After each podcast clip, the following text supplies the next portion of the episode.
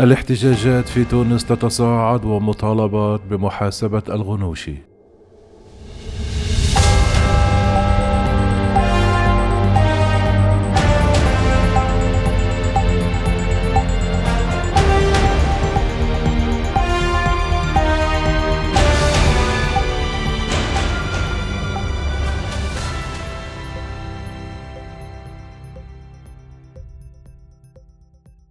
تظاهر التونسيون الأحد في محيط البرلمان التونسي للاحتجاج على تردي الأوضاع الصحية والسياسية والاقتصادية والاجتماعية في البلاد ومطالبين بإسقاط منظومة الحكم ومحاسبة الحكومة والغنوش.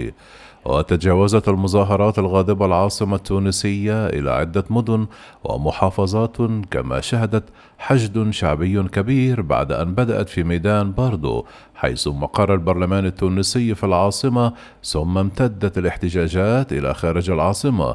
وانطلقت الاحتجاجات في كل من محافظة سوسة الساحلية وصفاقس في الجنوب والكهف شمال الغرب بنفس الشعارات التي تتهم إخوان تونس في الذكرى الرابعة والستون لعيد الجمهورية باحتلال البلاد. هتف المحتجون يا غنوش يا سفاح يا قاتل الأرواح والشوارع والصدام حتى يسقط النظام. كما اتهم المتظاهرون سياسة حركة النهضة بسرقة أحلام الشباب التي وصلت نسبة البطالة فيها إلى عشرون في المائة وذلك وفقا لآخر إحصائيات المعهد التونسي للإحصاء. كما طالب المحتجون بتشكيل حكومة جديدة إلى جانب إسقاط الطبقة الحاكمة. كما تداول النشطاء على مواقع التواصل الاجتماعي صورا ومقاطع فيديو تظهر اقتحام المحتجين مقر لحركة النهضة في مدينة توزر جنوب تونس حيث أفرغوا المقر من محتوياته وقاموا بإحراقه. وحاول عدد من المحتجين اقتحام مقر حركة النهضة في القيروان مرددين شعارات ضد حركة النهضة ورئيسها قبل أن يتم منعهم من قبل الوحدات الأمنية.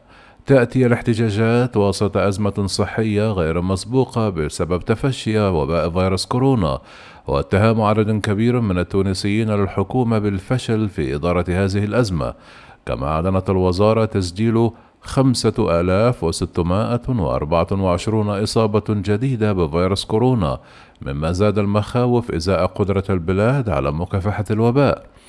كما سجلت الدولة المغاربية زيادة يومية قياسية في الوفيات المرتبطة بفيروس كورونا المستجد حيث قالت وزارة الصحة أن البلاد سجلت خلال الأربعة والعشرون ساعة الماضية 317 وفاة لأسباب لها علاقة بكوفيد 19 تشهد البلاد حالة من الغضب الشعبي من جراء سياسات النهضة التي أفسدت المسار الديمقراطي وعنف المعارضين فضلا عن فضح محاولة استغلال المؤسسة القضائية لإفساد ملفات التقاضي في عدة قضايا إرهابية أبرزها مقتل شكري بالعيد ومحمد البراهمي. كما علق المحلل السياسي التونسي بالحسن اليحيوي على التظاهرات قائلا إن حركة النهضة في الوقت الحالي محاصرة بالأزمات خاصة بعد قطع الطريق أمامها باستغلال المؤسسة الفضائية وتطويعها للتلاعب بالملفات القضائية وخاصة الإرهابية التي لها صله وثيقة بقيادات النهضة ما يشكل قطع ذراعها القضائي والإعلامي أيضا. فضلا عن الكثير من الانتقادات التي توجه للحركة على المستوى الإقليمي والدولي. كما شدد المحلل التونسي على ضرورة أن تجتمع كافة الطوائف المناهضة لحكم النهضة على مجموعة من الأهداف والعمل على تحقيقها من خلال التظاهرات. ويرى اليحيوي أن الإشكالية الخاصة بحركة النهضة تتمثل في الولاء لأنها تعمل لصالح أجندة التنظيم العالمي للإخوان المسلمين وليس وفق أجندة وطنية. ويغيب عن أدبياتها تماما مفهوم الدولة وقيمه الوطنية. وبالتالي عندما وصلت إلى صنع القرار السياسي في تونس إبان الانتخابات التي جرت عقب عام 2011 لم تقدم أي جديد للسياسة التونسية ولم تتمكن من تحقيق نجاح في إدارة الدولة. أوضح اليحيوي أن حركة النهضة لا تمتلك الأدوات التي تمكنها من إدارة الدولة أو تشكيل الحكومة بما تطلبه هذه العملية. من إدراك لمختلف المعطيات بالإضافة إلى غياب مفهوم الدولة التي تختلف أولوياتها مختلفة تماما عن هذا التنظيم الدولي للإخوان الذي لا يؤمن بالوطن ويعمل فقط لمصالحه الخاصة.